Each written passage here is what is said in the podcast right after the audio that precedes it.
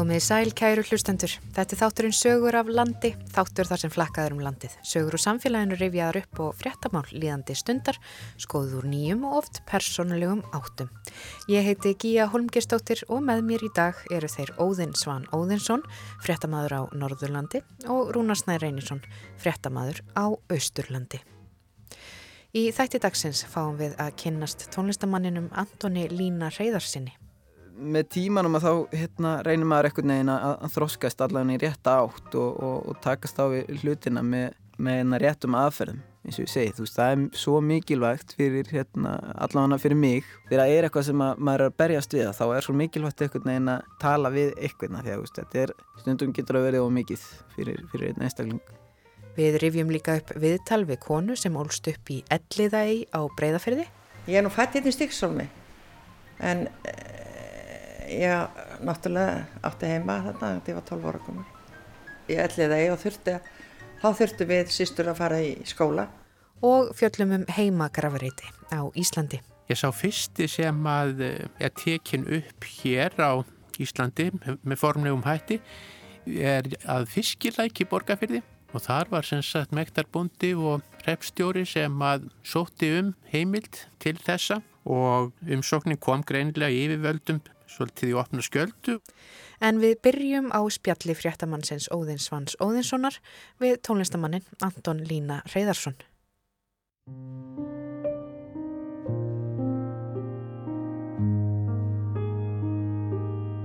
Anton Líni er, skal ég segja, 23 ára tónlistamæður sem stundar nám Erlendis í Berlin er að taka þess að bachelorgráðu í pródúseringu, Creative Music Production um, hefur verið að syngja frá badsaldri og er uh, söngvari ásamt því að vera, eh, eins og ég segi, að pródúseringu. Já, svona það er stutt að saga. Daddy you told me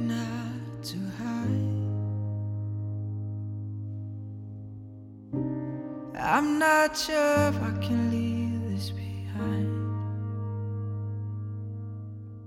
Já, þóttu sé eins og sér þetta á mjög stutt útgáðan þú ert uh, rétt rúmlega tvítur og þú hefur upplifað meira en margir á, á heilli æfi uh, mér langar svona aðeins að fara í til að byrja með svona þín uppvakstar ár. Ef þú getur farið fyrir mig bara já, nánast eins langt aftur og þú mannst þú ert alveg upp á, á Þingeri Já, passar, ég er alveg upp á Þingeri og hérna hef búið á Þingeri öll mín hérna æsku ár.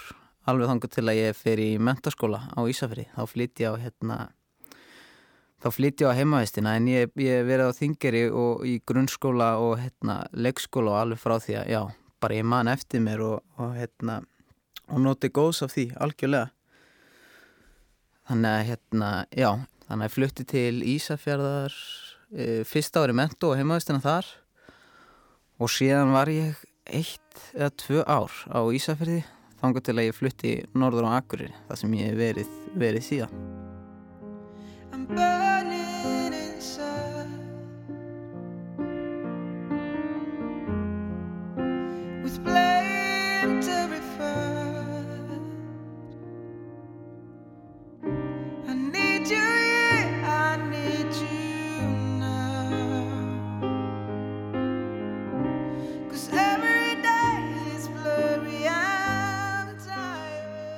En uh, þegar þú ert rúmlega þryggjara, þryggja á hálsás, þá gerist nokkuð örlaðaríkur atbyrður í þínu lífi.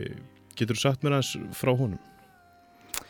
Já, heldur betur. Hérna, mm, þegar ég var þryggja á hálsás að þá kemur upp hérna, svo staða að það kemur upp eldur í húsinu þar sem að ég og fóröldrættinu minni búa og litli bróði minn sem að hérna verður til þess að ég er svo einu sem að bjargast og hérna og því miður og þá hérna var ekki hægt að bjarga fólkdurum mínum nýja litla bróðir. Uh, já, þó að hérna pabbi hafi gert þegarlega tilhörun til þess.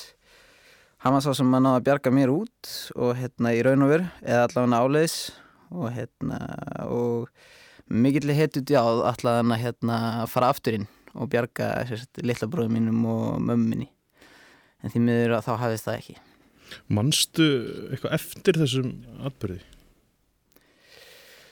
Uh, já, eða svona, já og nei, takmarka sko. Það hefur alltaf loðað við mig, hérna, svona, ég hef alltaf sagt á sögu allavega að, hérna, að ég hafi vaknað og held að það hefur verið svona kannski ástæða þess að, að ég hafi, hérna, bjargast. Ég man eftir því þegar ég vaknaði um, hérna, nóttina og, og, og sé að það er, hérna, eldur frammi og eitthvað svona og, og fer og, hérna, og stugga við pappa mínum sem er, er þá sofandi. Og mér skilst svona að út frá því hafi hérna, hann reynda að koma mér áleiðis út og, og, og hérna, já, koma mér eitthvað ef mann rétt, fram á gang það sem að rétti útstyrjahörðinni um, já, það sem að ég finnst síðan og hægt að og möguleiki á hérna að draga mig alveg út sem betur fyrr En þetta endar á, á þennan skjálfilega hátt og, og hefur væntalega mótað svolítið lífið þitt eftir þetta Já, algjörlega, hérna, sko, já, klálega að gera það. Það, hérna, um svona ungur að þá náttúrulega, það myndast ákveðin staða þegar, hérna, það eru tvær fjölskyldur og það er bara, segja satt, e, það er bara einn, ein, hérna, ljósarður drengur sem að verða eftir, þá myndast ákveðin staða sem að verður líka, líka kannski svolítið erfið hvar, hvar á hann að búa og, og, og annað slíkt. En, en hérna, Þannig að þetta hefur alveg uh, mikil áhrif og uh, kannski hérna, svona tímin leiðir kannski ímislegt í ljós. En ég held samt að, að þetta, þetta grær kannski aldrei þó að séu öldra að lifa kannski með þessu þeim eldra sem það verður. Manstu eitthvað eftir, hvað gerist eftir þetta fyrir utan atbyrðin sjálfan, hvernig, hvað tekur við þessa daga og vikur og, og mánuði eftir, eftir þetta atvik? Þetta gerist í, í mjög litlu, litlu samfélagi. Já, sko, hérna, þau voru mjög vel liðin uh, heima á þingri.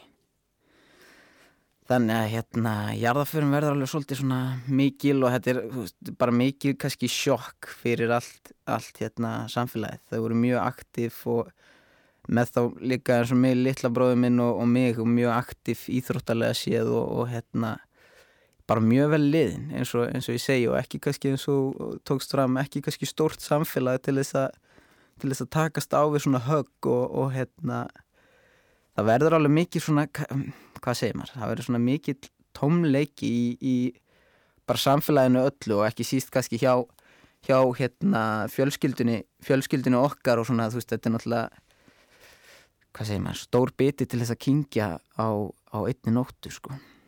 Og fóröldræðin eru mjög ungir þegar þetta gerist ekki? Heldur betur, þau eru í kringum, ég rétti við tvítugt ef mann rétt. Og þá heitir þetta hérna, þegar þetta kemur fyrir hann að hérna, þau eru mjög ungir sko, voru með eins og segi mig og litla bróður minn, ég var þryggju hálsás, litli bróður minn að verða einsás eða orðin einsás, eitthvað svo leiðis. Þannig að þetta er Þetta er, já, þetta er frekar, frekar ungt allavega til þess að, til þess að hérna, frekar stuttur lífsaldur eins og maður segir. Áttu þau og, og þá setna þú eitthvað bakland þarna á þingari, er, er, er þín fjölskylda það, en hvað, hvað verður um þennan, eins og þú segir, litla ljósara strák sem að lifir þetta af? Sko það verður uh, öll fjölskyldan, já, svona þannig bjó fyrir vestan og hérna Sko, uh, mömmu meginn þá byggu þau á sveitabæði sem heit Fell á þeim tíma og hérna, og pappa meginn þá byggum við sér satt, byggum á neðri hæðinni í, í húsi sér satt fórildra föðumis. Þannig að hérna, það er svona fer á stað ákveði ferli eins og, eins og gefur að skilja þegar, það er ungu strákur sem á ekki lengur neitt neitt einsta kjarnar kannski, enga fóreldra og, og eitthvað svona, þá náttúrulega fer þetta í ákveði ferli bara e, svona hvar, hvar á hann að búa eftir, eftir þetta. Þannig að sem betur fyrir að þá hérna á ég mjög góða, góða fjölskyldu begja megin. Og hérna eftir e, dagastund þá fluttist ég á fell í, á Sveitabæðin fell í eitt ár þannig til að ég færði mig úr á hérna þingiri þar bjó ég alveg bara þannig til að hérna mentaskóla gangan byrjaði. Ain't no place feels home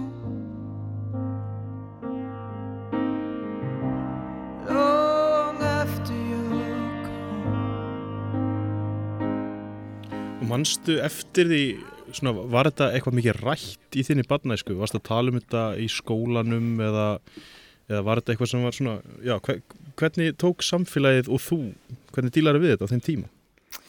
Sko, nú get ég kannski tala bara fyrir sjálfa mig, sko, en hérna, uh, ég myndi ekki segja þetta að það kannski verið mikið rætt. Þetta verður náttúrulega kannski svolítið, svolítið þungt og yfirþyrmandi að hérna, tala um svona hluti og, og, og maður, eins og gefur að skilja kannski að þá, þá er þetta eitthvað sem ég hef lifað með alla, alla æfi þannig að fyrir mig kannski að, að, hérna, að ræða þetta við eitthvað er kannski aðeins öðru sér að kannski að ég að ræða þetta og svona eh, kannski þó að það sé óþægilegt kannski stundum að tala um þetta að þá finnst mér líka mikilvægt bara fyrir annar fólk að, hérna, að heyra skiluru að það er sko allt er hægt ef að, hérna, að viljinni fyrir hendi. En ég myndi klála að segja að það hef ekki verið mikið það hef ekki verið mikið rætt þó að kannski þau hef alltaf verið haldin upp í svona í minningunni. Að þá er kannski meira svona haldið upp, upp í kannski gleðinni sem að, sem að þau kom með og, og sem að var en það var kannski ekki mikið mikið kannski pælt í uh, hvað segir maður, sorginni sem maður fylgir það, grí, þetta er bara gríðalegt áfall fyrir, uh, fyrir eina fjölskyldu að, hérna, taka á kassan og það gerir það, engin, það gerir það engin einn held ég og ekki heldur með að tala ekki við neitt sko. þetta er, ég held að þetta sé ómikið ómikið í, í eitthvað slíkt, þannig að mér fannst svona, já, mér fannst ekki mikið tala um þetta en ég held líka að alltaf þegar ég var kannski tilbúin til þess að tala um þetta að þá var það líka alveg ekkit mál fyrir mig en, en ég held bara svona kannski að maður er það ungur að þú gerir kannski ekkit grein fyrir því að þau er ekkit að koma morgun eða hinn eða mögulega aldrei sko eins og ég segi Talaði þú mikið um þau sem barn og myndur þau eftir þeim upp þessi uppvægstar ár? Um, sko já, já, algjörlega ég gerði það og en svona í setn tíð verður þetta mögulega erfiðara þegar þú áttur á því sko að þeir áttur að það er svona ymsi hlutir sem að þú hafðir ekki og þú sér svona fólki kringu þig. Sko þegar eh, kannski fyrir sjálf mig, ef ég tala fyrir sjálf mig að þegar svona verður að þá kannski finn ég fyrir kannski svona í setjum tíð að það er svona allur innsti kjarni. Ég meina þetta er ámar æðislega fjölskyldu og resastóra fjölskyldu sem að gerir allt við um hann, heldur alltaf utan um hann og, og annars líkt en það er samt sko það er þessi innsti kjarni sem er svona þetta sam, samband við, við föður og móðir, það er kannski þú veist, maður finnur alveg svona kannski eins og ég segi, þegar maður er svona eldist þá er maður svona, uff, það væri hérna þetta er alveg smá, smá erfitt. En þegar ég var yngri að þá hérna þá var maður kannski bara svolítið bann, sko, maður var, þú veist, maður spáð alveg mikið í þessu, bara af hverju á ég ekki af hverju á ég ekki fóreldra og af hverju, hver er þú veist, af hverju á ég ekki litlabróður og af hverju lendi ég í þessu en, en, en ekki en ekki einhverju aðrir. Eins og kannski, þú veist, í kringum mig og svona, okkur er, þú veist okkur eru fólkdrar besta vinum ís eða bestu vinum en að koma að sækja á í skólan en, en ég þarf, þú veist, amma eða afi er að koma að ná í mig sem að ég þú veist, sem er raun og veru bara mamma og pappi mín, en það er svona kannski ekki alveg, alveg sama tenging ef, ef, ef það meikar eitthvað sens. Akkurat, og náttúrulega hefur auðvitað verið gríðlegt áfall fyrir ömmuðin og afa þau eru náttúrulega, mm. eins og þú talar um fóröldrarinn með ungir og þau eru í raunin að missa börn líka. Þetta er svona lítur að hafa verið mikil áskorun fyrir þau begja vegna. Algjörlega.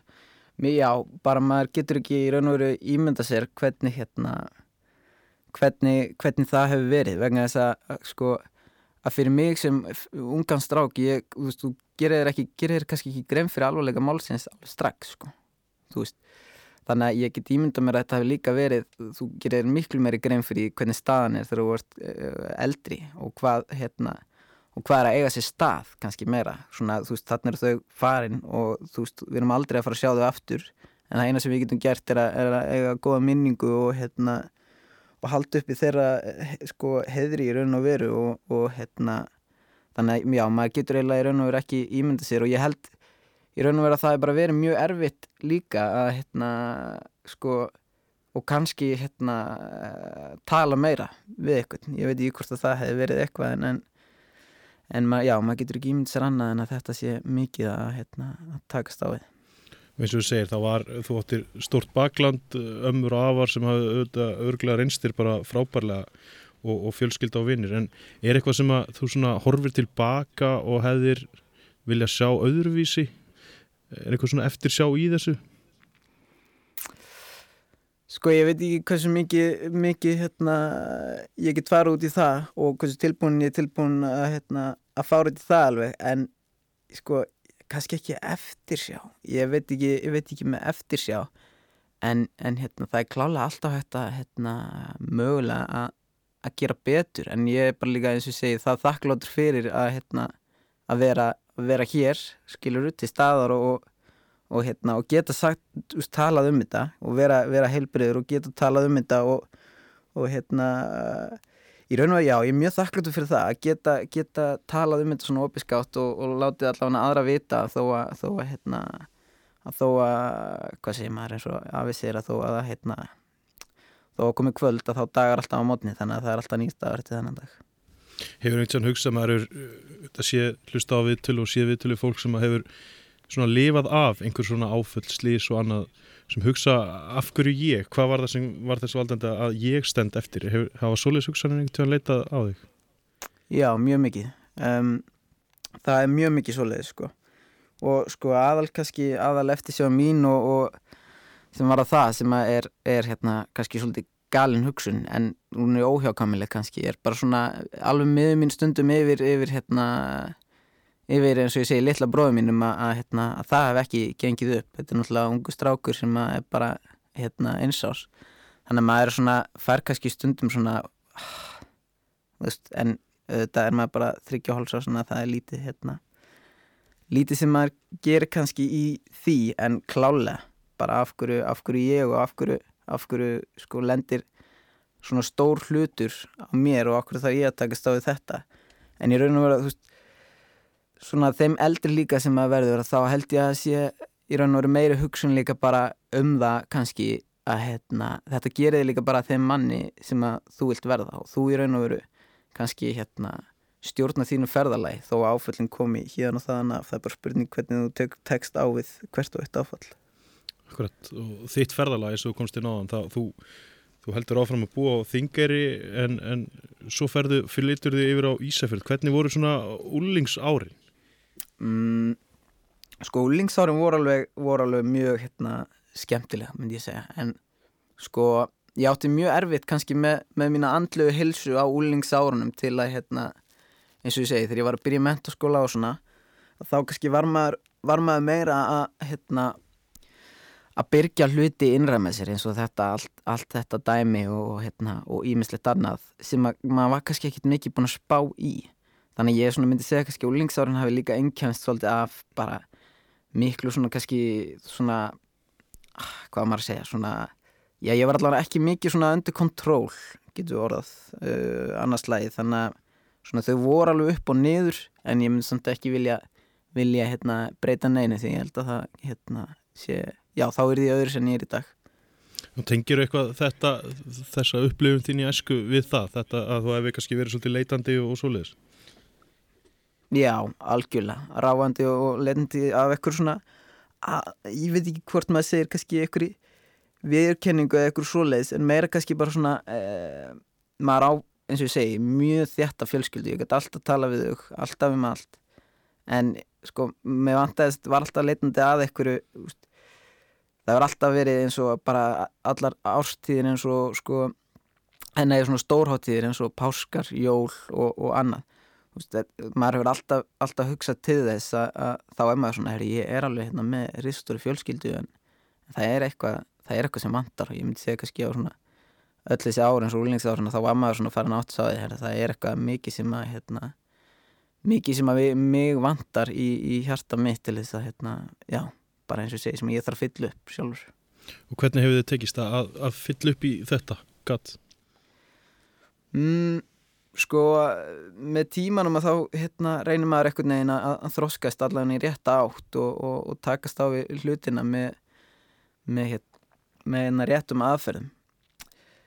Ég veit ekki hvort að tíminn kannski græði það ekkert tíðan að, að maður sé leitandi að ekkur hérna, að fylla upp í þetta gat en sko maður getur alltaf lært að lifa með því á einhvern máta, ég myndi segja að það hefur gengið mjög vel að, hérna, eh, að lifa með því og, og, og eiga mögulega á því að tala um þetta eins og ég segi, þú veist, það er svo mikilvægt fyrir, hérna, allavega fyrir mig og ég get ímynda mér að sé fyrir flest aðra, þegar það er eitthvað sem að, maður er að berjast við, þá er svo mikilvægt einhvern veginn að geta einhvern veginn tala við einhvern veginn, því að þetta er stundum getur það verið of mikið fyrir, fyrir einstakling I wanna tell you something. I hope it's okay.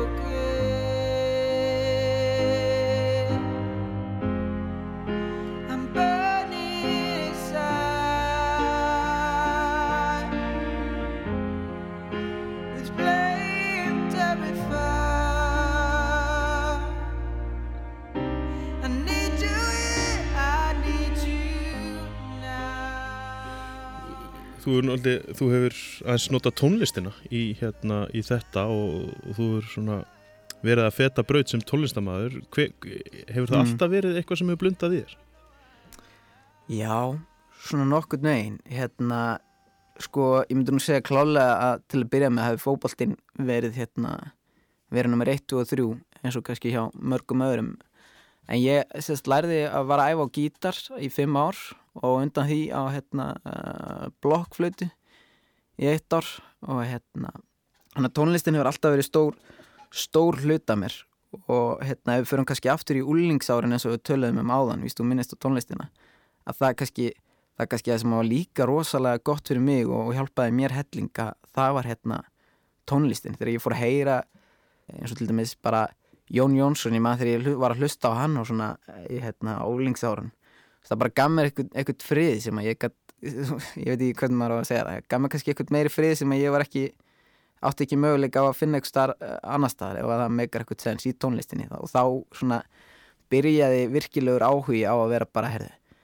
ég, mér, þetta er eitthvað sem að ég hef klálega áhuga að gera og langar að gera í framtíðinni. Já og líka verið kannski svona mikil tónlist í familíinni áður hérna áður, minnum pappi var mikill mikill hérna tónlistamæður algjörlega.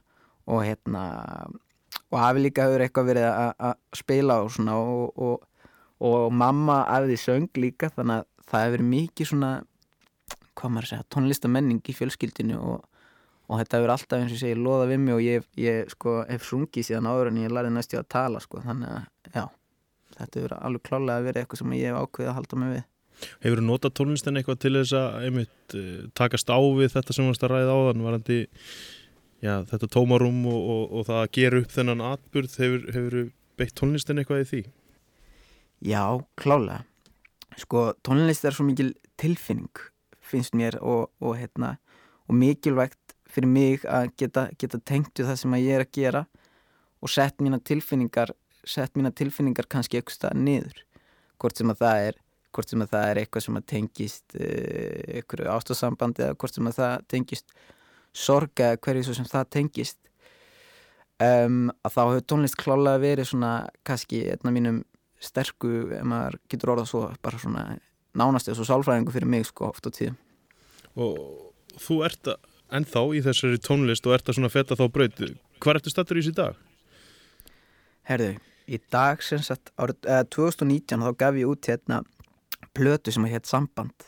Sem að fekk alveg smá svona, smá svona hérna, hvað segir maður, auga staða svona hjá fólki og, og hérna og lag sem ég gaf út sem heitir Heldikinn sem að fekk líka alveg svona smá hlustun og eftir það þá var ég bara svona, herðu þetta er bara beinleið upp, ég var búin að sjá að það er það er alveg möguleiki fyrir litla rödd að koma sér eitthvað áfram og, og það er bara ekki spurning. Þannig að ég held áfram að hérna, færði mig á, á ennsku gaf út nokkuð lög og síðan núna uh, 2020 að þá hérna eða 2019 fór ég sérst, erlendis að læra söng tók þryggjamána hérna, Academy þar og síðan núna 2020 að þá byrjaði ég í háskólanum í Berlin það sem ég bý í dag er búsettur já. Og séru fyrir að gera þennan ferila bara æfi starfi? Er þetta það sem þú lifið fyrir?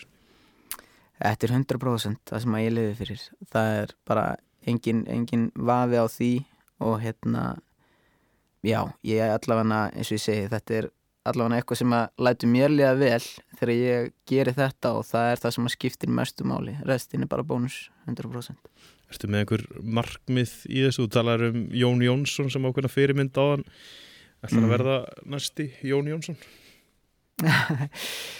Uh, næst Jón Jónsson það væri náttúrulega já e, Þetta er mjög góð spurning. Hann er allavega, við getum allavega orðað svoleiðis að, að hann hefur fengið örglega einhverjum svona mestu hlustun uh, hann er einn mestu hlustaði tónlistamæður hjá mér allavega þannig að já, hann er fyrirmyndu, skulum orðað svoleiðis þetta, þetta var mjög öðru spurning en góð samt.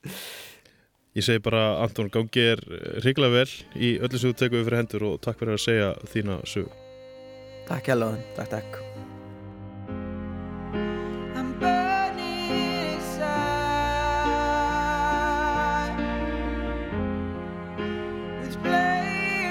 Terrified.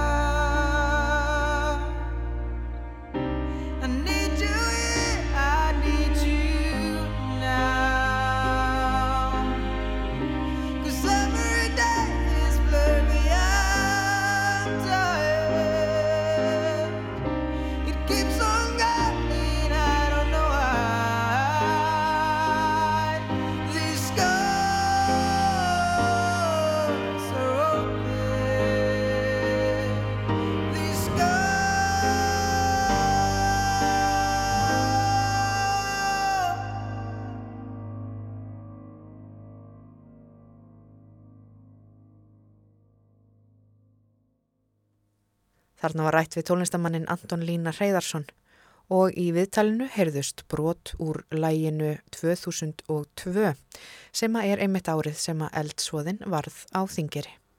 En næst rifjum við upp brot úr viðtali Péturs Haldurssonar frá árinu 2011 við unni Láru Jónastóttur sem fættist árið 1935 í Elliða ei á Breiðafyrði og ólst þar upp til 12 ára aldurs.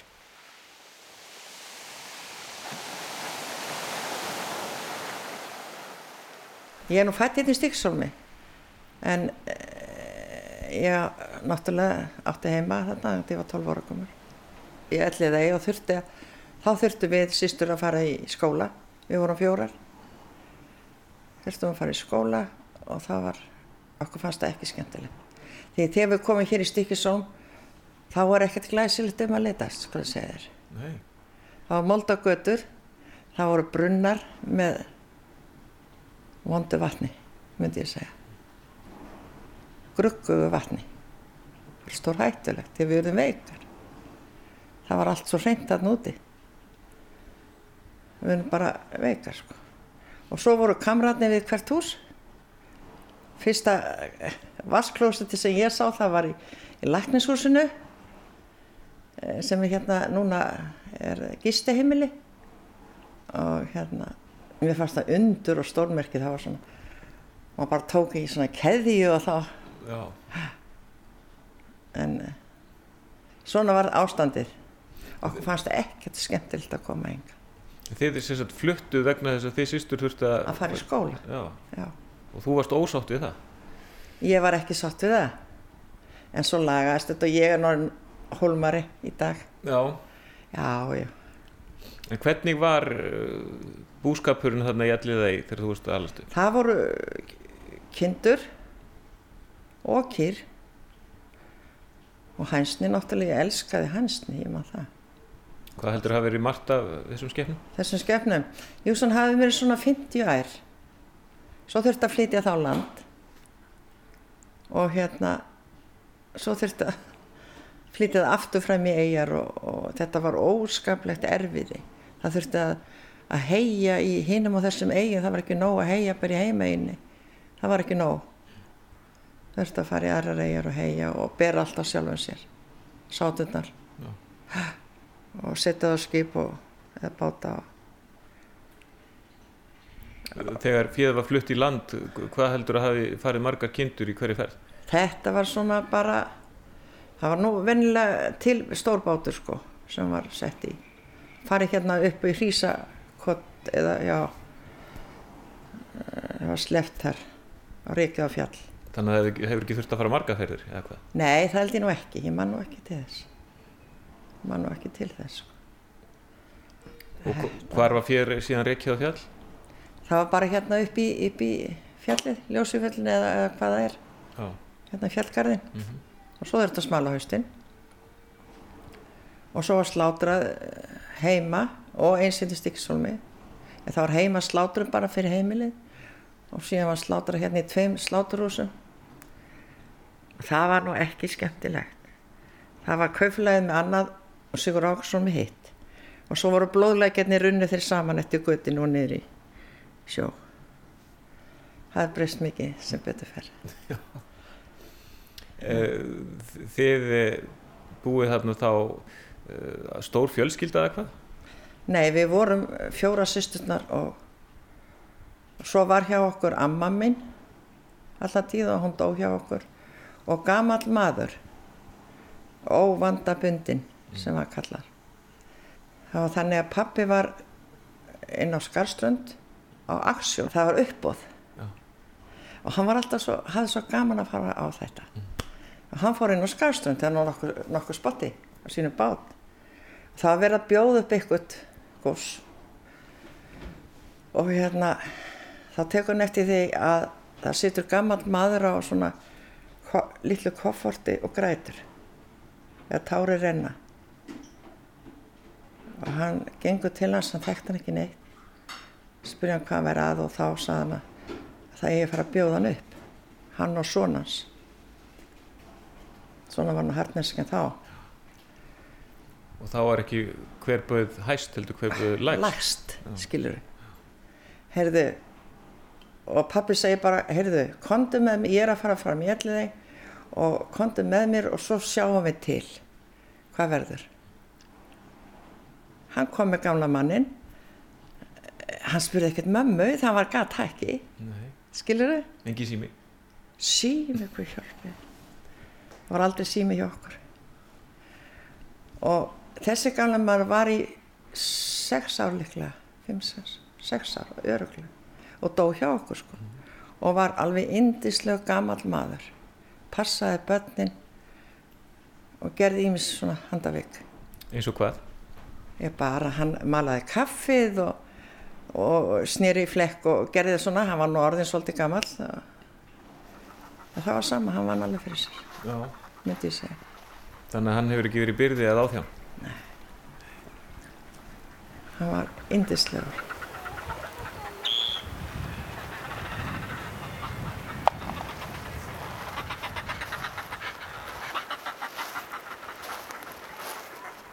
Þú ert alveg reynræktaður breyðfyrringur. já, sko pappi er ættar á Farskulse mamma úr sellátri og það voru fjögur sískinni sem giftust fjórum giftist sko Já. Hún sagði, það var ekkert annað það, það var engar samgöngur en þetta hefnaðist nú vel já, já gerði það Og það var búið í fjölmörgum eigunum þegar þú varst stelpa. Já, já, það var búið í Bílsei. Uh, ég man nú ekki hver, alveg framöndir Fagurey. Bílsei, Fagurey og Langahjónum. Og svo í Höskulsei og, og uh, Sellátri hérna fyrir þetta. Já, já, já, það var búið þessum vegi. Og þá farið sko eina ferð, þá fórum við eða fólkið sem var, var hérna í Stípisólmi, frænd fólk okkar, það fór eina skemmtiferð á sömurinn. Þetta er, þetta er fólk sem kom hann í heimsók, Úr, þannig já. ég. Já, já. Fólk úr eigum. Já, Já. og þetta þótti alveg meira háttar sko að fá svona gesti og, og við fórum líka í næstu eigu. Þetta er, þetta er ólíkt.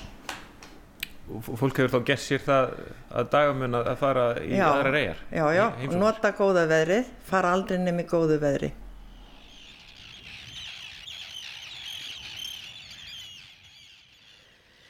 Heyrðum hér minningar unnar Láru Jónasdóttur sem fættist árið 1935 í Elliðægi á Breiðafyrði. Unnur Lára lést árið 2019, þá 84 ára gömul. En næst fjöllum við um heimagrafreiti á Íslandi. Víða má sjá tegnarleg tré standa í napp, ekki langt frá sveitabæjum og utanum trén er jafnvel girðing. Þetta eru svo kallar heimagrafreitir sem skipta miklu máli í hugum fólksins sem að hefur búið í sveitinni og sumir óska þess að fá að leggjast þar til hinstu kvílu við hlið ættmenna sinna. Margir gravreitir sem þessir voru stopnaðar vegna mikillar sorgar og voru liður í því að vinna úr erfiðum missi og gerðu eftirlifundu mögulegt að hafa látna ástvinni áfram nærri. Rúnarsnær Reynisson, fréttamaður á Östurlandi, teku nú við. Já, ég heiti sem sagt Hjalti Hugarsson og er prófessor í kirkjusögu við Guðfræð og trúabræðafræði til Tafskóla Íslands. Og af hverju fórst þú að rannsaka heima gravreiti sérstaklega? Já, það er eiginlega góð spurning. Ég satt að segja búin að gleyma því. Eh, Ég fekk þetta svona pínlítið á heilan fyrir allan nokkrum árum og uh, ég held ég hafi til svona kynnt fyrstu hugmyndir mínar að þessu verkefni 2015 en uh, þá vildi svo til eins og stundum gerist að, uh, að ég frétti af uh, samskona verkefni sem var í gangi og og ég varð að býða þanga til niðurstöður úr því lágu fyrir. Þannig að þetta er búið að eiga allangan aðdraganda og, og ég er svona kannski búin að gleima alveg svona upphafshugmyndin af þessu. En séð okkur aðeins frá þessum heimagrafreitum. Hvenar fór fólk að útbúa heimagrafreiti? Ég sá fyrsti sem að eh, er tekin upp hér á Íslandi með formlegum hætti eh, er að fiskilæki borgarfyrði og þar var sem sagt mektarbúndi og repstjóri sem að sótti um heimild til þessa. Og uh, þetta umsóknin kom greinilega í yfirvöldum svolítið í opna skjöldu og biskup og hamdmaður höfðu samráð sín á milli um þetta og, og komist að þeirri niðurstöðu að frá kirkjulegu sjónamiði séð væri ekkert á móti þessu en, en vísuðu málun og áfram til landshöðingja og uh, þaðan ferða utan til uh, ráðgjafa í Kaupmannahöfn og, og hann fær konungsleifi til þess að stopna þennan grafrit og, og málið nær sem sagt fram að ganga. Það er alveg ljóst að uh, þessi hugmynd kemur yfir völdunum pínlítið spánst fyrir sjónir og, og þau skrifa að þetta sé sérstök byðni en, en verða við henni í að síður og þar með er eiginlega ákveðinni skriður hundið af stað. Þróunin er hæg framan af en, en síðar fjölgar þeim stöðu tanga til að þeir eru já, allavega komnir yfir 170 á landinu öllum. Hver er ástæðan fyrir því að, að fólk vil uh, þetta sagt, að uh, jarða einhvern nákominn sér uh, í heimagrafriðt? Jú, það eru ymsar ástæðu fyrir því og og í mínum rannsóknum svona þá hef ég greint á milli svona alveg almennra ástæðina fyrir þessari nýbreytni að því að þetta er náttúrulega mjög merkileg nýbreytni að það eru þarna einhverjar ákveðnar almennar ástæður fyrir hendi að, að þessi síður myndast en svo er líka hægt að skoða tilgreindar ástæður fyrir því að þessar óskir koma fram hjá bændum á á ýmsum stöðum. En uh, algengasta ástæðan sem er tilfærð í, brefum, það er eiginlega að uh, degjandi einstaklingur hafi óskað eftir því á banabeði að uh, fá að kvíla heima. Sem sagt að svipað og það við heyrum í nútímanum oft auðlist útförn hefur farið fram í kyrð þegar óskins látna. Getum við kannski sagt að, að þessar umsókn komi mjög oft að að óskins látna. Og það er svolítið sláandi og það eru til mjög aðtiklisverð bref þar sem að, já, til dæmis feður sækja um það að döðvona börn þeirra fái að, að kvíla heima fyrir. Mörgun tilvikum dettumann til hugar að, að þarna séu bergladnir undirliggjandi ástæða sem sagt að, að fólk hafi vita til langs tíma að, að döðin væri nánd og, og þá hafi reynst svona tími og sveigurum til að að hugsa um dauðan þar sem framöndan var og koma fram með óskera þessu tægi. Þetta er sem stalgengast ástæðan sem er gefin upp. Og vildi þá uh, fólk uh, frekar uh, láta einlátna kvíla þá nálegt sér til þess að já, fjarlæðin er ekki eins mikil? Já, maður sér það í nokkrum brefanna þannig greinilega um sorgar úrvinnslu að ræða ekja eða ekkill talar um það mjög opið að, að við komum til óski eftir því að, að nýláttinn maki fái að, að kvíla heima einmitt til þess að gröfin sé nærri og, og auðvelt að vitja hennar og, sumi nefna bara tilfinninga ástæður, aðrir er tólti praktískari ástæður að, að með þessu móti sé hægt að annast gröfina betur og, og, og hlúa að henni heldur en ef hún væri í kirkjugarði til tölulega fjarið þá. En svo eru fleiri ástæður sem maður getur greint í eh, á bakfið óskir af þessu tægi. Stundum er það áttaga ást, það er að segja. Fólk tilgreinir það bara að, að það hafi lífað öll sín bestu ár á ákveðnum bæ og, og get ekki hugsað sér að flytja þaðan, hvorki lífsni liðin. Og til aðteklisvert dæmi til dæmis á Vesturlandi að Haldin Bondi er sem sagt jarðaður í heimagrafrið sem mun hafa verið settur nýður heila á þeim stað sem baðstofan á gamla bænum hafið staðið og það tekið þátt í minningagreinum að, að nú kvíli hann á sama stað og vakka hans hafi staðið í æsku og högum hans hafi verið þannig hátt að hann hafi verið ákaflega fáar nættur að heiman á lífsleiðinni. Þannig að, að við sjáum það að, að ástæður á þessu tægi, svona sterk áttaga ást, hefur hatt mikil áhrif í, í fjölmörgum tilvikum. En það kemur framhjáðu líka að á Östurlandi sé sérstaklega mikið um uh, svona heimagrafreiti. Hver getur verið ástæðan fyrir vinsældum þeirra á Östurlandi? Þær geta nú verið ímsar og, uh, og það eru sérstaklega tvær sóknir þarna fyrir austan sem að skera sig úr. Það er ásókn í fellum, svo sleðbrótsókn sem síðar var í jökulsáliðinni að sleðbrjóti háttaði svo til að, að það þurfti að flytja líki yfir að kirkjubæ, handan Jökulsár og Dal. Og uh, þetta var náttúrulega hjalli eða torfæra sem að vafðist kannski fyrir mönnum. Og, uh, og það er sem sagt byrjað að grafa í, í Jökulsárliðinni og, og þá að sleðbrjóti nokkuð snemma og, uh, og fyrsta jarðaförin þar, þar fyrir hennar fram áður en búið að heimila formlegan gravrit og, og síðan er farið að grafa fleiri þarna á staðnum og, og, og ástæðin er greinilega svo að, að þarna er um torfæru að ræða og fólk uh, vildi sem sagt uh, losna við það að, að, að leggja á sig þessi erfiði flutninga. Nú uh, þetta verður svo til þess að það er tekinu upp fyrst almennur gravreitur þarna fyrir sveitina og og síðan stopnuð sérstök sókn, reist kirkja og, og kirkjugarður. Þannig að þarna sjáum við að þetta er um hagnýtan vanda að ræða.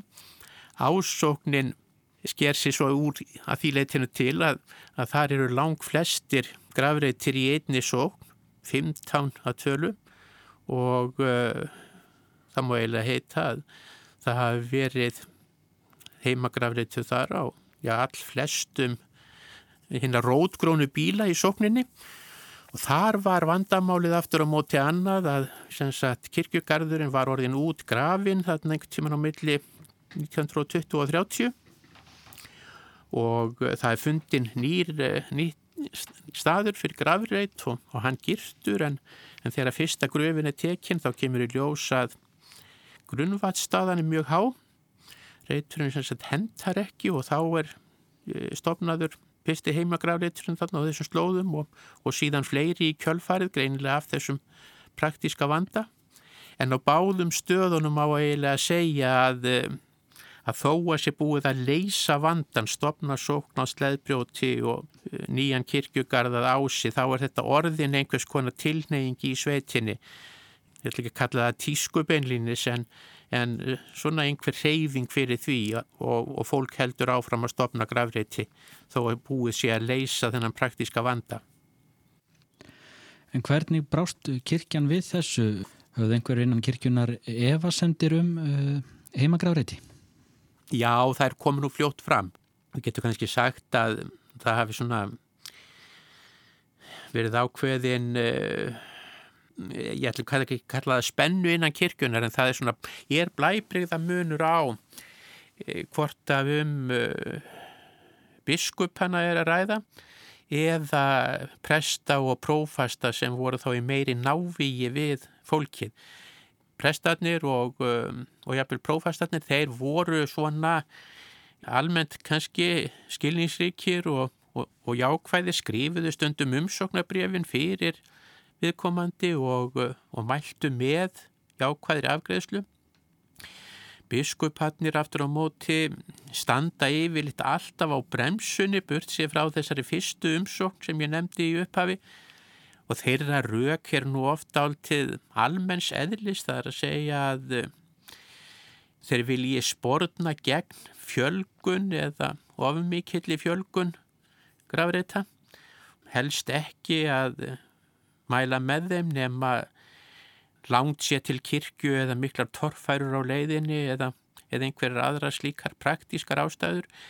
En þó voru tveir biskupar sem skera sig úr til dæmis Jón Helgason sem að uh, var biskup uh, frá því skoðum fyrir 1920 og, og framöndi 1940 hann lítur á það sem embætti skildu sína að, að koma í veg fyrir þessa fjölgun og, og í hans embættist tíð tók mjög fyrir stopnun slikra grafreita og hann taldi að, að þetta væri náttúrulega brot á gamalli kirkjulegri hefð og auk þess hafða nú miklar áhyggjur af því að of margir heimagrafreitir myndu svona, ég var að segja, skerðar ekstra grundvöld kirkjugarðana og, og þeim raka hvað frágjáng og umhyrðu snertir og svona það var almennt álit manna um miðja öldina og fyrir þann tíma að umhyrða kirkjugarða væri mjög slæm og, og það þýrt að gera einhvers konar átaki í því að, að auka útfara menningu þjóðarinnar og heimagrafriðtinni þóttu koma í veg fyrir það. Og svo þarna eftir miðja síðustu öld þá verður ákveðin eh, afgerandi breyting á og á einhverju tímum punkti er reynilega tekið fyrir stopnu nýra grafreita. Já, það er gert með lögum 1963 og, og, og með all afgerandi hætti. Það er ekki bara þannig að, að ákvæðinum heimagræðritina séu feld nýður, heldur er beinleins hveðið á um það í lögunum og óheimilt sé að veita heimilt fyrir nýjum græðritum. En svona til þess að benda á að, að lögum verður kannski aldrei til þess að breyta ástandi 100% þá, þá er síðasti heimagrafriturinn ekki stopnaðu fyrir 1982 þannig að það var sem sagt gerð allavega ein undantekning á þessu. En þessir heimagrafritir, hvaða hlutverki þjónaðir nú? Það er ennverð að nota þá? Já, það er aðtiklisvert hversu uh, víða þeir uh, þjóna enn upprundlum tilgangi sínum og, og nú hef ég ekki aðtugað alveg á landsvísu hvað uh, heimagrafreitir eru mikið notaðir nódögum en hef skoðað þetta í, á Norðurlandi og það er aðtiklisvert hversu margar útfærir hafa átt sér stað í heimagrafreit eftir síðustu aldamót og, og jáfnvegar á síðasta áratug. Þannig að, að við getum sagt að í, á sumum stöðum, þannig að kannski getum tala um sum héruð í þessu sambandi heldur, verðum ekki þá að segja í sumum ættum þá þá sé tryggðin við heimagrafreitina alveg í fullu gildi og, og, og verði það eitthvað áfram. En svona í lokin, hver myndur þú segja að sé núna munurinn á heimagrafreit og almennum kirkjugarði? Þá er ég að tala um sko, tilfinninguna og tilfinningar fólks uh, til þessara staða. Ég uh, hef nú ekki kannad þetta nútíma ástand svona alveg nýri kjölinn en uh, ég held að þarna skipti mjög í tvö hodna því að auðvitað er það svo að það eru heimagrafreitir á mörgum jörðum sem hafa skiptum eigendur og, og í slíkum tilvikum þeir eru komin alveg ný fjölskylda á staðin þá, þá held ég að heimagrafreitirni geti svona haft svolítið tvíbenta stöðu í hugum fólks. Þannig er sem sagt minni sreitur um uh, eitthvert fólk sem að uh, er algjörlega óvandabundi núverandi ábúendum og, uh, og það hefur ekki haft kannski kynni af eða voru tilfinningar til. En þar sem aftur á móti þessir gravreitir eru sem að eru enn í nótkunn þar, þar er mér alveg kunnugt um það að, að, að þeir hafa heilmikla þýðingu í hugum fólks og, og margir sem að óska sér að, að fá að kvíla þar. þó þeir hafi langtímu saman kannski búið annar staðar á landinu þá er þetta einhver sá staður sem að tengir ættina og kynnslóðina saman og þeim er víða mjög vel sint og, og eru fallegir. Hjalti Hugarsson, þakka ég kella fyrir spjallið. Já, þakka þér. Rúnarsnær Reynisson rætti við Hjalta Hugarsson, professor í kirkjusögu við Háskóla Íslands og þess má geta að Hjalti heldur málstofu um heimagrafriti í kirkjuselinu í Fellabæ það 19. oktober og hefst málstofan klukkan 5. En þar með komið að lokum í sögum á landi í dag. Í þættinum var rætt við Hjalta Hugarsson og Anton Lína Reyðarsson. Auk þess var rifjað upp viðtal frá árinu 2011 við unni Láru Jónasdóttur. Og við minnum á að þessi þáttur og eldri þættir eru aðgengilegri spilara rúf og á öllum helstu hlaðvarpsveitum. Við þökkum þeim sem hlýtu, lifið heil.